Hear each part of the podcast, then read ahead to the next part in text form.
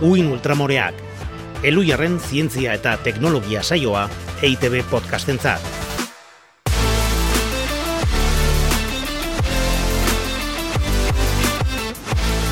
Kaixo, Ana? Kaixo, Laitz? Kaixo, Ana, eta entzuten ari zareten guztiei, ezta? Egunon, arratsaldeon gabon, dena delakoa?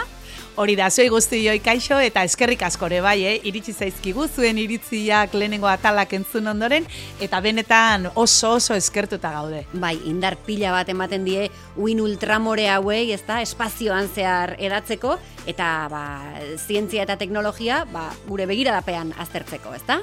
Hori da, horretan jarraitzeko asmoz gatoz, eta ba, gaur gure gai gogokoen azarituko gara. Alegia, gugeu. E, ez, mito sexualak da. Mito sexualak gu geu, Ana. Ah, horrela begiratuta bai arrazoia daukazu izan ziteken, baina ez ez da. Sexuari buruz dauden mitoak argitzera goaz, uin ultramoreen bitartez. Bueno, bestea interesgarriagoa zen, eh? baina tira, ere ez dago gaizti gainera, ba, ikuspegi zientifikotik euskreteko aukera ematen du, ez da, segurea artistikoagoa da behar bada? Bai, artista xamarra zu, baina, bueno, azteko gaurkotasunari errepasoa emango diogu, bale? Beti bezala, albisteekin. Hori da, az gaitezen, alaitz. Albisteak.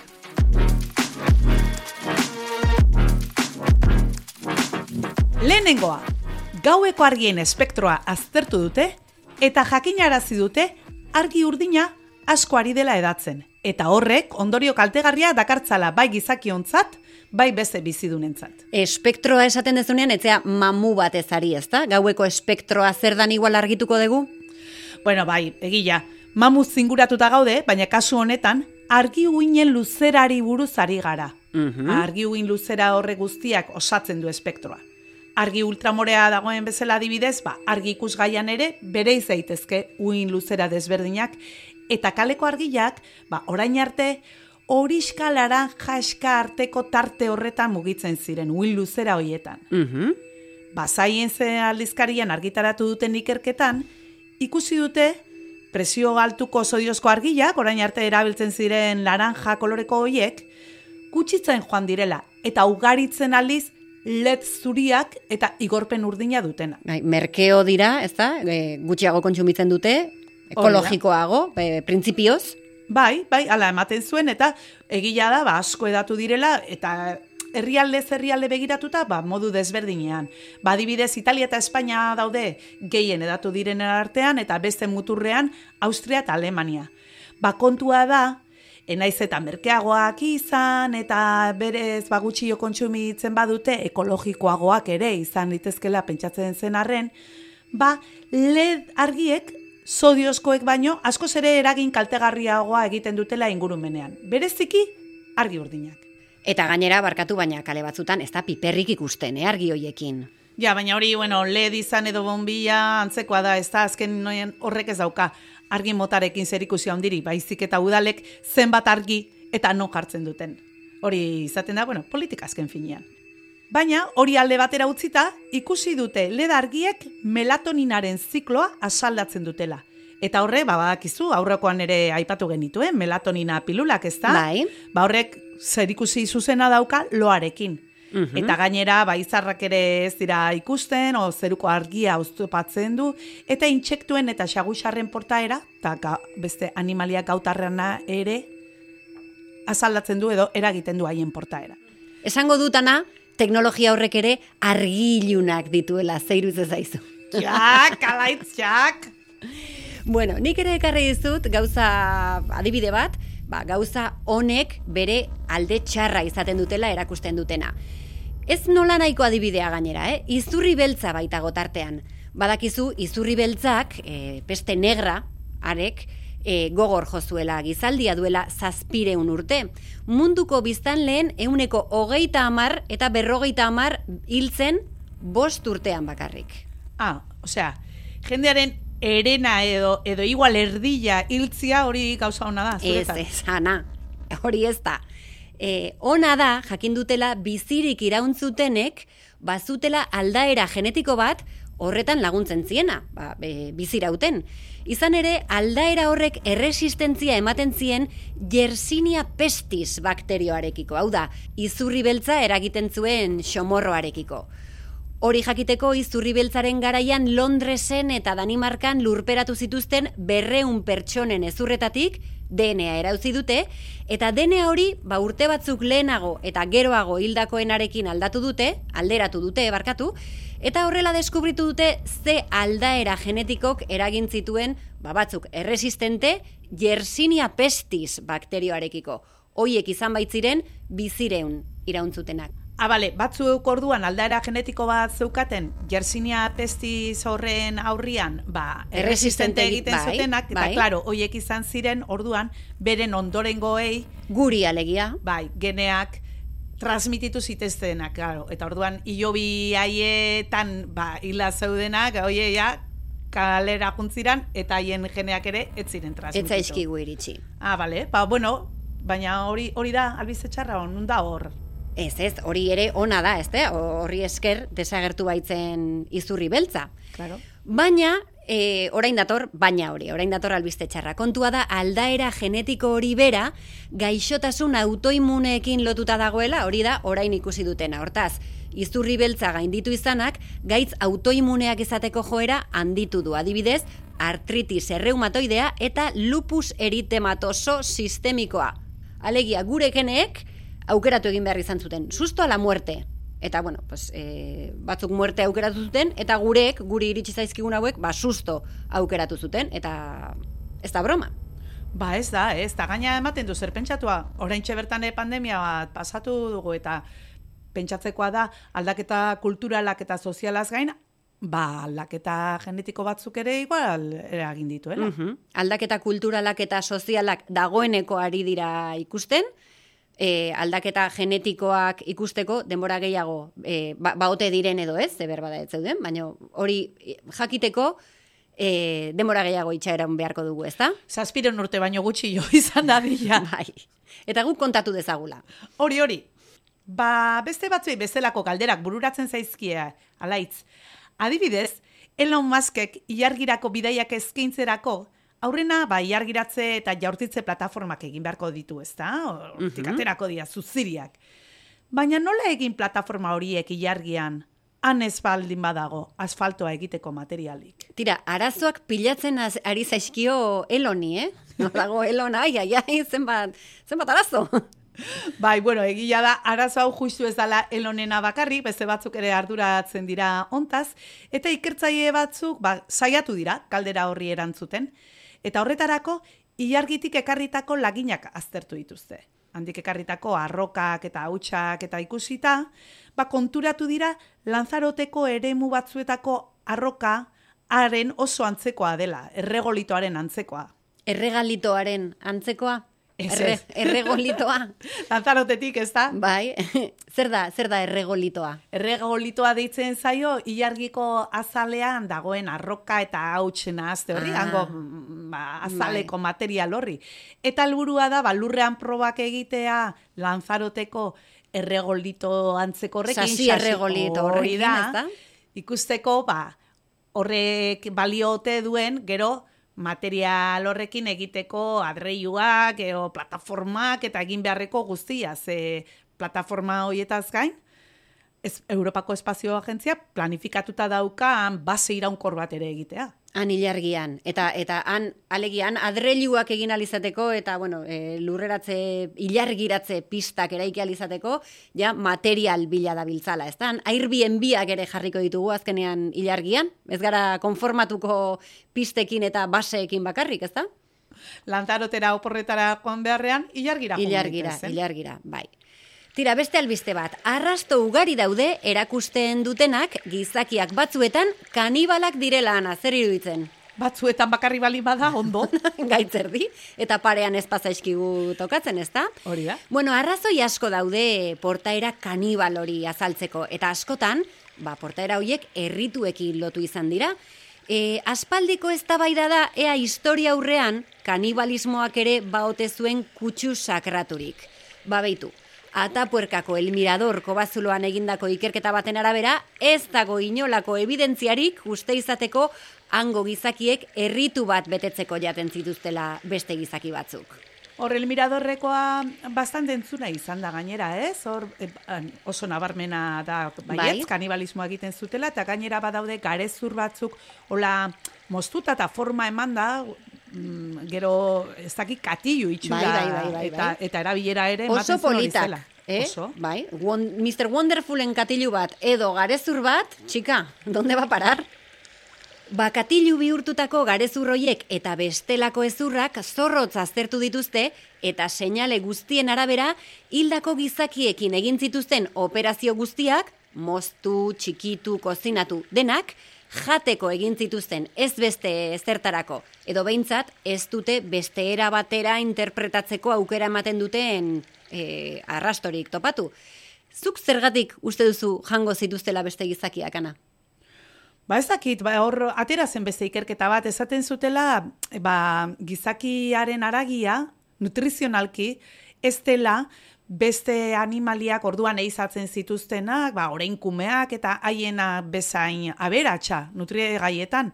Beraz, ah. ba, zakit igual harrapatzeko errezagoak zirelako jaten zituzten. Gizakiak orain kumeak baino, edo, bai. edo, edo falta bai, bai. egongo zen, edo, edo besterik gabe onak zeuden, aizu? ba, ba asko egiten dira kontu horrekin, baina bai, behar bada. Tira ba, orain zer tokatzen da, Jon? Soinu misterio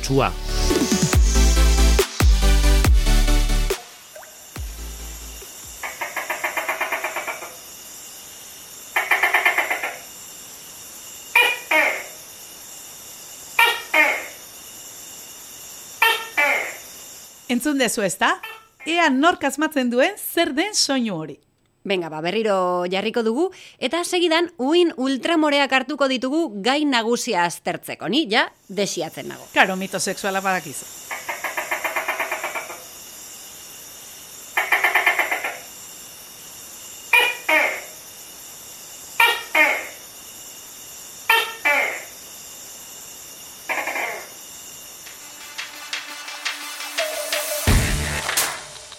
Uin ultramoreen begira da.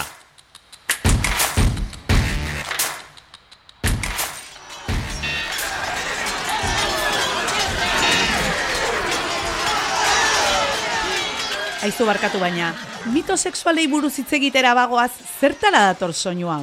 Zer dira, erromatarrak borrokan, beren gona motz eta izter giartxuekin? Hori alda zure fantasia sexuala, ez inparreala. Nirea ez, baina badiru zurea baiet. Bueno, nik ez daukata erazorik horrela azteko, eh? baina nik ez ditut kontatuko nere fantasia sexual. Ez, ez, ez, ez toa hortik.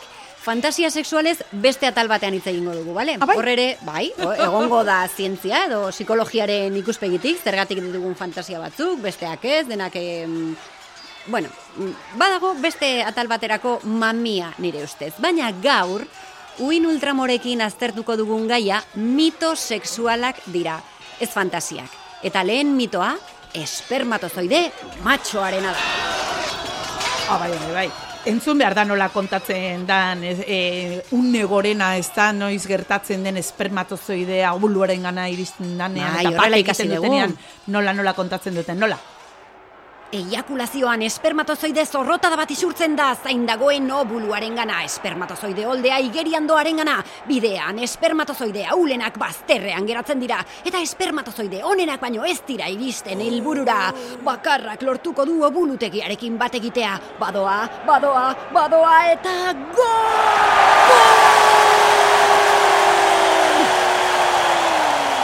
Ba, bai, bai, bai, horrela kontatzen dute askotan. Eta hain muturrera joan gabe ere, orokorra da espermatozoide irabazlea hartzea protagonistatzat eta bigarren mailakotzat jotzea obulua. Konkistatzaile eta konkistatua bikote klasikoari men eginda. Ba antropologian, evoluzioan eta giza ugalketan espezializatutako Robert Den Martin biologoaren arabera, ikuspegi hori zientziaren historia nagusitu den estereotipo matxistaren ondorioa da. Eta gainera, okerrata guztiz. Bueno, eskerrak Robert D. Martinek esan duen, ez da? E... Bai, gizomatek, bitu ondo. Bai. baina kontuan hartu behar da, hogei garren mendera arte, zientzia gizonek ernalkuntza zekitena bageiago oinarritzen zela uste eta sinesmenetan zientzian baino. Espermatozoideak ez ezagunak ziren.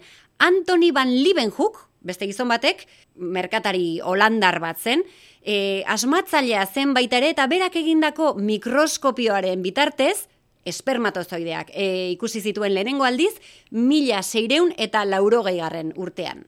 Ah, orduan, asmatu berri zuen eh, mikroskopio hori probatzeko, esku eskura zeukana erabili zuen. Bai, noski, eta nik ere ala egingo nuke, uh eh? Beak, eh, asmatu zituen hor lupa batzuen, bueno, etzan mikroskopio bat, baina mikroskopioaren aurrekari, bai, zuzenena, esango dugu, eta, bueno, pues, bere, bere semena erabiltzue, erabilizuen, ba, probak egiteko. Jakiminare eh, alakoa zen, eta? Bai, garai hartan bati baino gehiagori sorginkeria iruditu zitzaion, baina liben jukek argi erakutsi zuen giza hazian izaki bizidunak zeuden. Ara?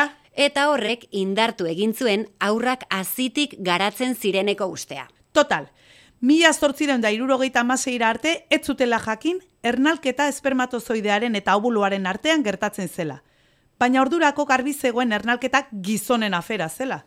Horretarako zituzten noski zakila barrabi parea eta milioika espermatozoide emakumea eta haren organo eta gainerakoa berriz ikusezina ziren eta hartxai utzak, bigarren mailakoak. Bueno, zientziak aurreratu eta zientzialariek begiak irekia laurdea agerian geratu dira ikuspegi horren utxuneak. Esaterako, espermatozoideen ugaritasuna ez da alabearrez seinaleona. Haietako asko eta asko akastunak dira, horregatik behar dira hainbeste. Eta ez dute igerian egiten obuluaren bila, umetokiaren eta trompen mugimenduek bultzatzen dituzte obulurantz. Eta horregatik da garrantzitsua lagunok emakumearen orgasmoa. Hombre, horretako ez plazererako da garrantzitsua. Bai, plazererako noski nagusiki, baina askotan esaten da, ez da, ugalketarako ez dela behar. Ugalketaz ah, bueno. ari garenez, vale, emakumeen orgasmoa ere, behar beharrezkoa da, ba, orgasmoan gertatzen diren uzkurdura horiek bultzatzen dituztelako espermatozoideak obulurantz. Eta esaten den beze gauzetako bat da, gizonezkoen adinak ez duela xola ugalketarako. Emakumezkoan erenak ez bezala, klaro. Ba ez, Hori ere frogatu dute ez dela horrela.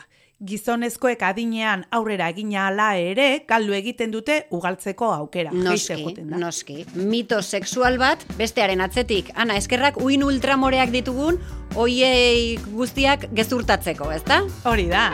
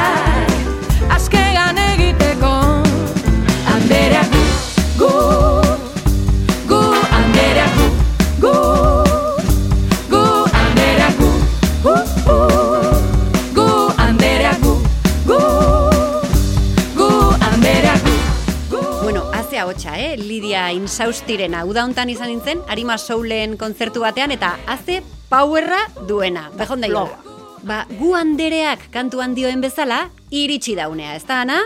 Iritsi daunea. Bada garaia gizonen antisorgailu ez hitz egiteko. Izan ere, emakumeok aukeran amaika metodo ditugun arren, beti ere aukeratzerik dutenek, gizonezkoek bi baino ez dituzte, kondoia eta basektomia.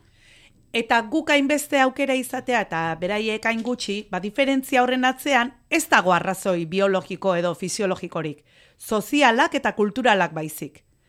Aurgintza emakumeen kontua da, eta baita ura eragoztea ere, baina praktikan ez da oso eraginkorra. Munduan aurdinaldien erdiak naigabekoak izaten dira. Eta uste duzu, osea, gizonek aukeran antisorgailu gehiago izateak egoera aldatuko luke? E, naigabeko aurdunaldi gutxiago egongo lirateke? Ez, nik uste ez dala horrela. Bai esango luke asko egongo balira aukera, ba gizona ja prez daudela hoiek erabiltzeko, ezta? Mhm. Eta beraz, ba haiek ere arduratzen direla orain baino gehiago behintzat ugalketaz. Baina momentuz ez da hori gertatu. Azken urteotan, ba, gizonen antisorgailu bat baino gehiago iritsi da saio klinikoen azken faseetara, baina ez dute merkaturatzeko baimena lortu. Zergatik? Ez dutelako izan horretarako behar den bultzada ekonomikoa.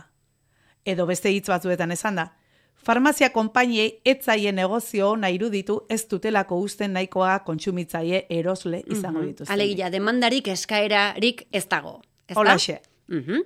2000 eta amaseian adibidez, gizonezkoentzako antisorgailu hormonal baten saio klinikoak bertan bera gelditu ziren albo ondorioengatik.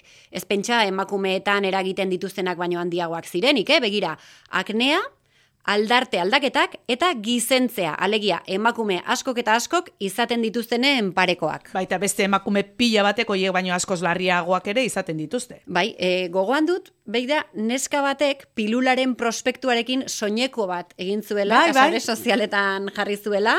E, Nik ere ikusi nuen argazkia, no. ikustekoa da. Pentsa zenbat albondorio, Zenbat albondorio dituen. soileko bat egitea daukazula. Hori da, bai, bai, bai. Baina lehen aipatutako enpresa farmazeutiko horrek pentsatu zuen emakumeek ez bezala, gizonek ez zituztela onartuko albondorio horiek. Horregatik erabaki zuen, ba, ikerketarekin ez jarraitzea. Ba gauza bera gertatu zen bi urte geroago, 2018an, beste antizorgailu batekin.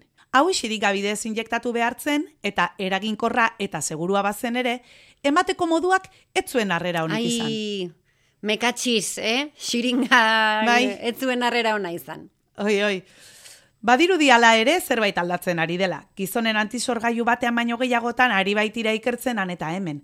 Eta bada bat, ba, saio klinikoen bigarren fasean dagoena, testosterona eta progestina sintetiko bat daramatzana, eta aurretik ikertutakoen aldean, askoz ere errezagoa da er- erabiltzeko eta onartzeko nik uste. Izan ere, gel bada eta larruazalean zabalduta barneratzen da. Baina larrua zalean non ana, ze batzuk behar bada azal finegia daukate, segun eta non gel bat emateko. Bueno, a ber, besoen barnealdean da, eh? Ah, bale, bale, menopausiaren sintomak arintzeko gel hormonal hoiek bezala, ezta? Bai, bai, bueno, onartzeko moduko, ez da? Mhm. Ba honeke oraingo zemaitza honak eman ditu, eta justu guain ba COVID-19 eten egin ditu saio klinikoen voluntarioen bilketa, baina berriro ere martxan jarri dira eta ikerketarekin jarraitzea, espero dute. Mhm. Tira ba, hormonak alde batera utzita, espermatozoideen bidea oztopatzen duten metodo itzulgarriak, reversibleak ere, ari dira probatzen. Ze basektomia egitea, ba, ez da atzera egiteko mouko erabakia, ez da? Bueno, ba, indian, risug izeneko metodo bat garatzen ari dira, odi deferenteetan injektatzen den hidrogel batean oinarritutakoa. Odi deferenteak... E, Bai, basektomian mozten diren hori Bai, bai, bai. E, begiratu zuen seme alaben e, naturzientzietako liburutan, eta hor ikusiko dituztue, oso ondo seinalatuta, odi deferenteak. Ba, hor injektatzen da e, hidrogel bat, eta hidrogel horren osagaiek espermatozoideak inibitu egiten dituzte. Modu eraginkor eta seguruan. Eta, bueno, pues, mm, lehen eratzeko, edo damutzen bazara, edo ja, erabiltzeari utzi nahi baldin badiozu, nahikoa da hidrogela desegitea. Metodori orain saio klinikoen hirugarren fasean dago, hau da, merkaturatzeko baimena jasotzeko gainditu behar duen azkenengo fasean. Ba, albiste hona izango litzateke antisorgailu hoiek edo antzeko beste batzuk merkatura iristea eta are hobea, harrera ona izatea eta gizonek aurdunaldien erantzukizuna partekatzea. Bueno, hau guztia noski, ari gara hitz egiten, bikote heterosexualen e, testu inguru horretan, eh? Mhm. Egia da, horretarako zientziak garatu bai, baina gizarteak ere pentsatzeko modua asko aldatu behar duela, ezta? Hori da, ez da zientzia bakarrik aurrera egin behar duena bai. Remember when NASA sent a woman to space for only six days and they gave her 100 tampons, 100 tampons. And they asked, Will that be enough? Cause they didn't know if that was enough. These are our nation's greatest minds. They are rocket scientists. They also tied the tampons together by the strings like sausages. 100 tampons, 100 tampons. I can picture it now. Come with me. 100 tampons. Ederra bestia, eh? Marsha Belksiren kantua entzuten ari gara, eta horretan oinarrituko naiz gaurko lehen afirmazioa botatzeko. Egia, gezurra, ala ez dago nahikoa evidentzia.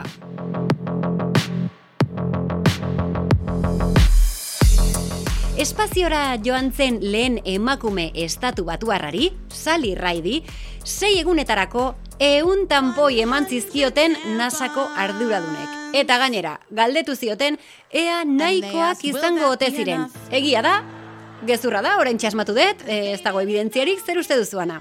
Ez duzuzuk asmatu, badagoelako abesti bat. Abestia bali badago, eta nasakoan olakoak diren ezagututa, ba, egia izango da. Egia da, hau da, inoiz bota dugun afirmaziorik errazena, egia da, noski. Gainera, e, abestian oso gauza polita esaten du, diala, nazioko buru argienak, ez da, the greatest minds of our nation, eta, e, pues, bueno... mm, Horiek izan ziala galdera bai, zuziriak espaziora bidaltzen dituzte, baina etzekiten pertsona batek, emakume batek, kasu honetan, zenbat tanpoi behar dituen sei egunetarako, eta euneko kaja bat eman zioten. Hau ere ez dute jakingo, aber entzulek, baina beste gauza bat askotan esan dena hilekoarekin da, elkarrekin bizi diren emakumeen hilekoak sinkronizatu egiten direla. Egia ote? Gezurra haute, mm, evidentziarik, nik, evidentzian egingo dut indarra, ze nere ustez, e, esango nuke egia dela. Nere esperientziak baitio, baiet, ez da? E, ingurukoekin komentatuta, nik hilekoa dakat, nik bai, nik bai, eta sinkronizatuta gaudela dirudi. Baina, nik ez dakat evidentziarik, ez dut inoiz irakurri, benetan, e, e, ikerketa bat ondo egindakoa, hori esaten duenik. Ez, da- nik ez daukat evidentziarik. Esperientziak esango lidake baietz, baina ez daukat evidentziarik. Ba, nik ikerketa batez, gehiago dauzkat, review deitzen zaio. Hola, egiten dute bilduma bat, eta aztertzen Aha. dituzte hainbat ikerketek esan dakoa, eta ondorioztatu dute ez ez, ez direla sinkronizatzen. Noskizuk esan duzu, ez? Ba, pixukidei komentatu egiten zu, hilekoa daukata nik bai, eta edo, edo ba daukazu tanpoia, zeinena da kopa hau.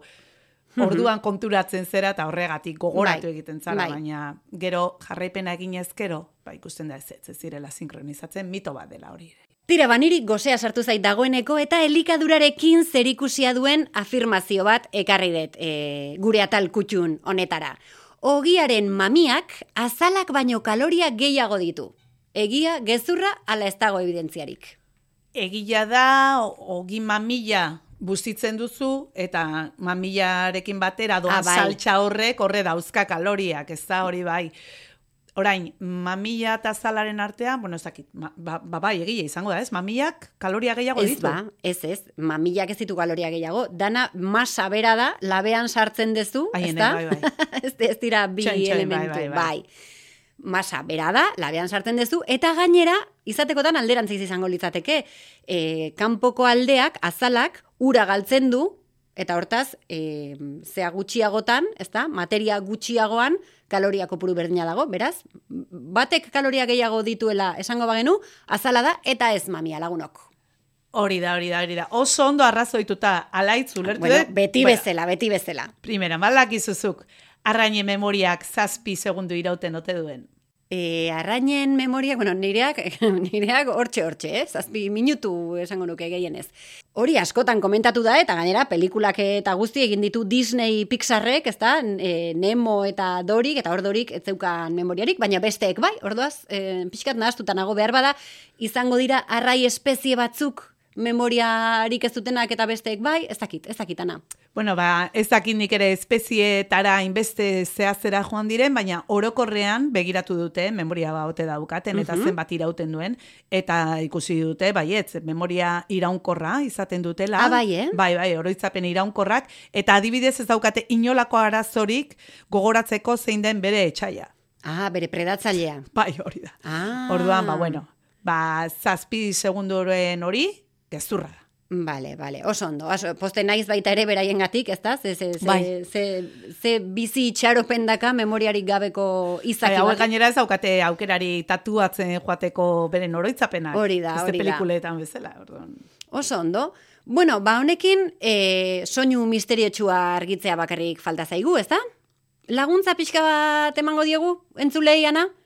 Bai, bai, bai, esango dieu, adibidez, ba, zer ikusia daukala gaurko gaiarekin, mito sexualekin. Bai, ba, ni e, soinu, entzingo dugun soinu hau entzunda, ez dakit eh, asko lasaitzen hauen horrek, eh? Entzun dezagun.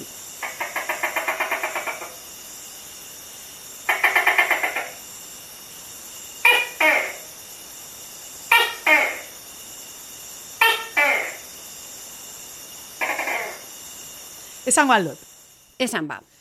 Geko-geko espeziaren, geko arrak emea erakartzeko erabiltzen duen kantua da. Geko, geko, espeziak. Nik esan behar dut, e, behin Ertamerikan egon nintzela, eta han badagoela baitare horrelako narrastitxo bat, perro zonpopo, deitze ziotenan, baina txekeatu dut eta ez da espezie bera, eh? Ura koriotenfanes kristatus da, eta besukona ere deitze zioten, eta soinu hori egiten du e, etxeko paretetan, eta bar. Niri hori egiten didazu, eta, bueno, normal. Erakarriko- normal, erakarriko. erakarzea, claro, claro, claro. Hemen txautziko ditugu uin ultramoreak, Bai, bai, bai, berotu de baino lehen. Bueno, ba, unaino iritsi dira gaurko uin ultramoreak. Hemen aritu gara, Alaitz Otxoa de Eribe Agirre eta nineu, Ana Galarraga aiestaran, Mhm. Eluiarreko gure kide egoitz etxe beste aduriz soinu teknikari izan dugu laguntzen, eta hau egiten dugu, ba, EITB podcastentzat. Bai, eta ITB podcast atarian aurkituko dituzue orain arteko atal guztiak, etorriko direnak ere bai, ezta? Eta nahi baduzue zuen audio plataformetan arpidetu zaitezketean, pues, eh, Apple Podcast edo dena delakoan. Entzuten duzuen lekuan. Zientzia.eusen ere izango duze entzungai podcasta, eta ba, aipatu ditugun gai hauetako asko ere agertzen dira bertan. Bai, informazio zabalagoa behar baduzue, zuen jakin mina piztu badugu, ezta? Eta bueno, ba, eskerrak ematea besterik etzaigu geratzen han kaskoen edo bozgorailuen beste aldean zaudeten guztiei, behar bada, mito sexualez arituko ginela entzundakoan, beste zeozer espero zenuten, baina tira hau podcast zientifiko bada. Eskerrik asko, mil esker, eskerra unitz horregoteagatik, eta bitartean, eda daitezela uin ultramore. Eda daitezela. Uin ultramoreak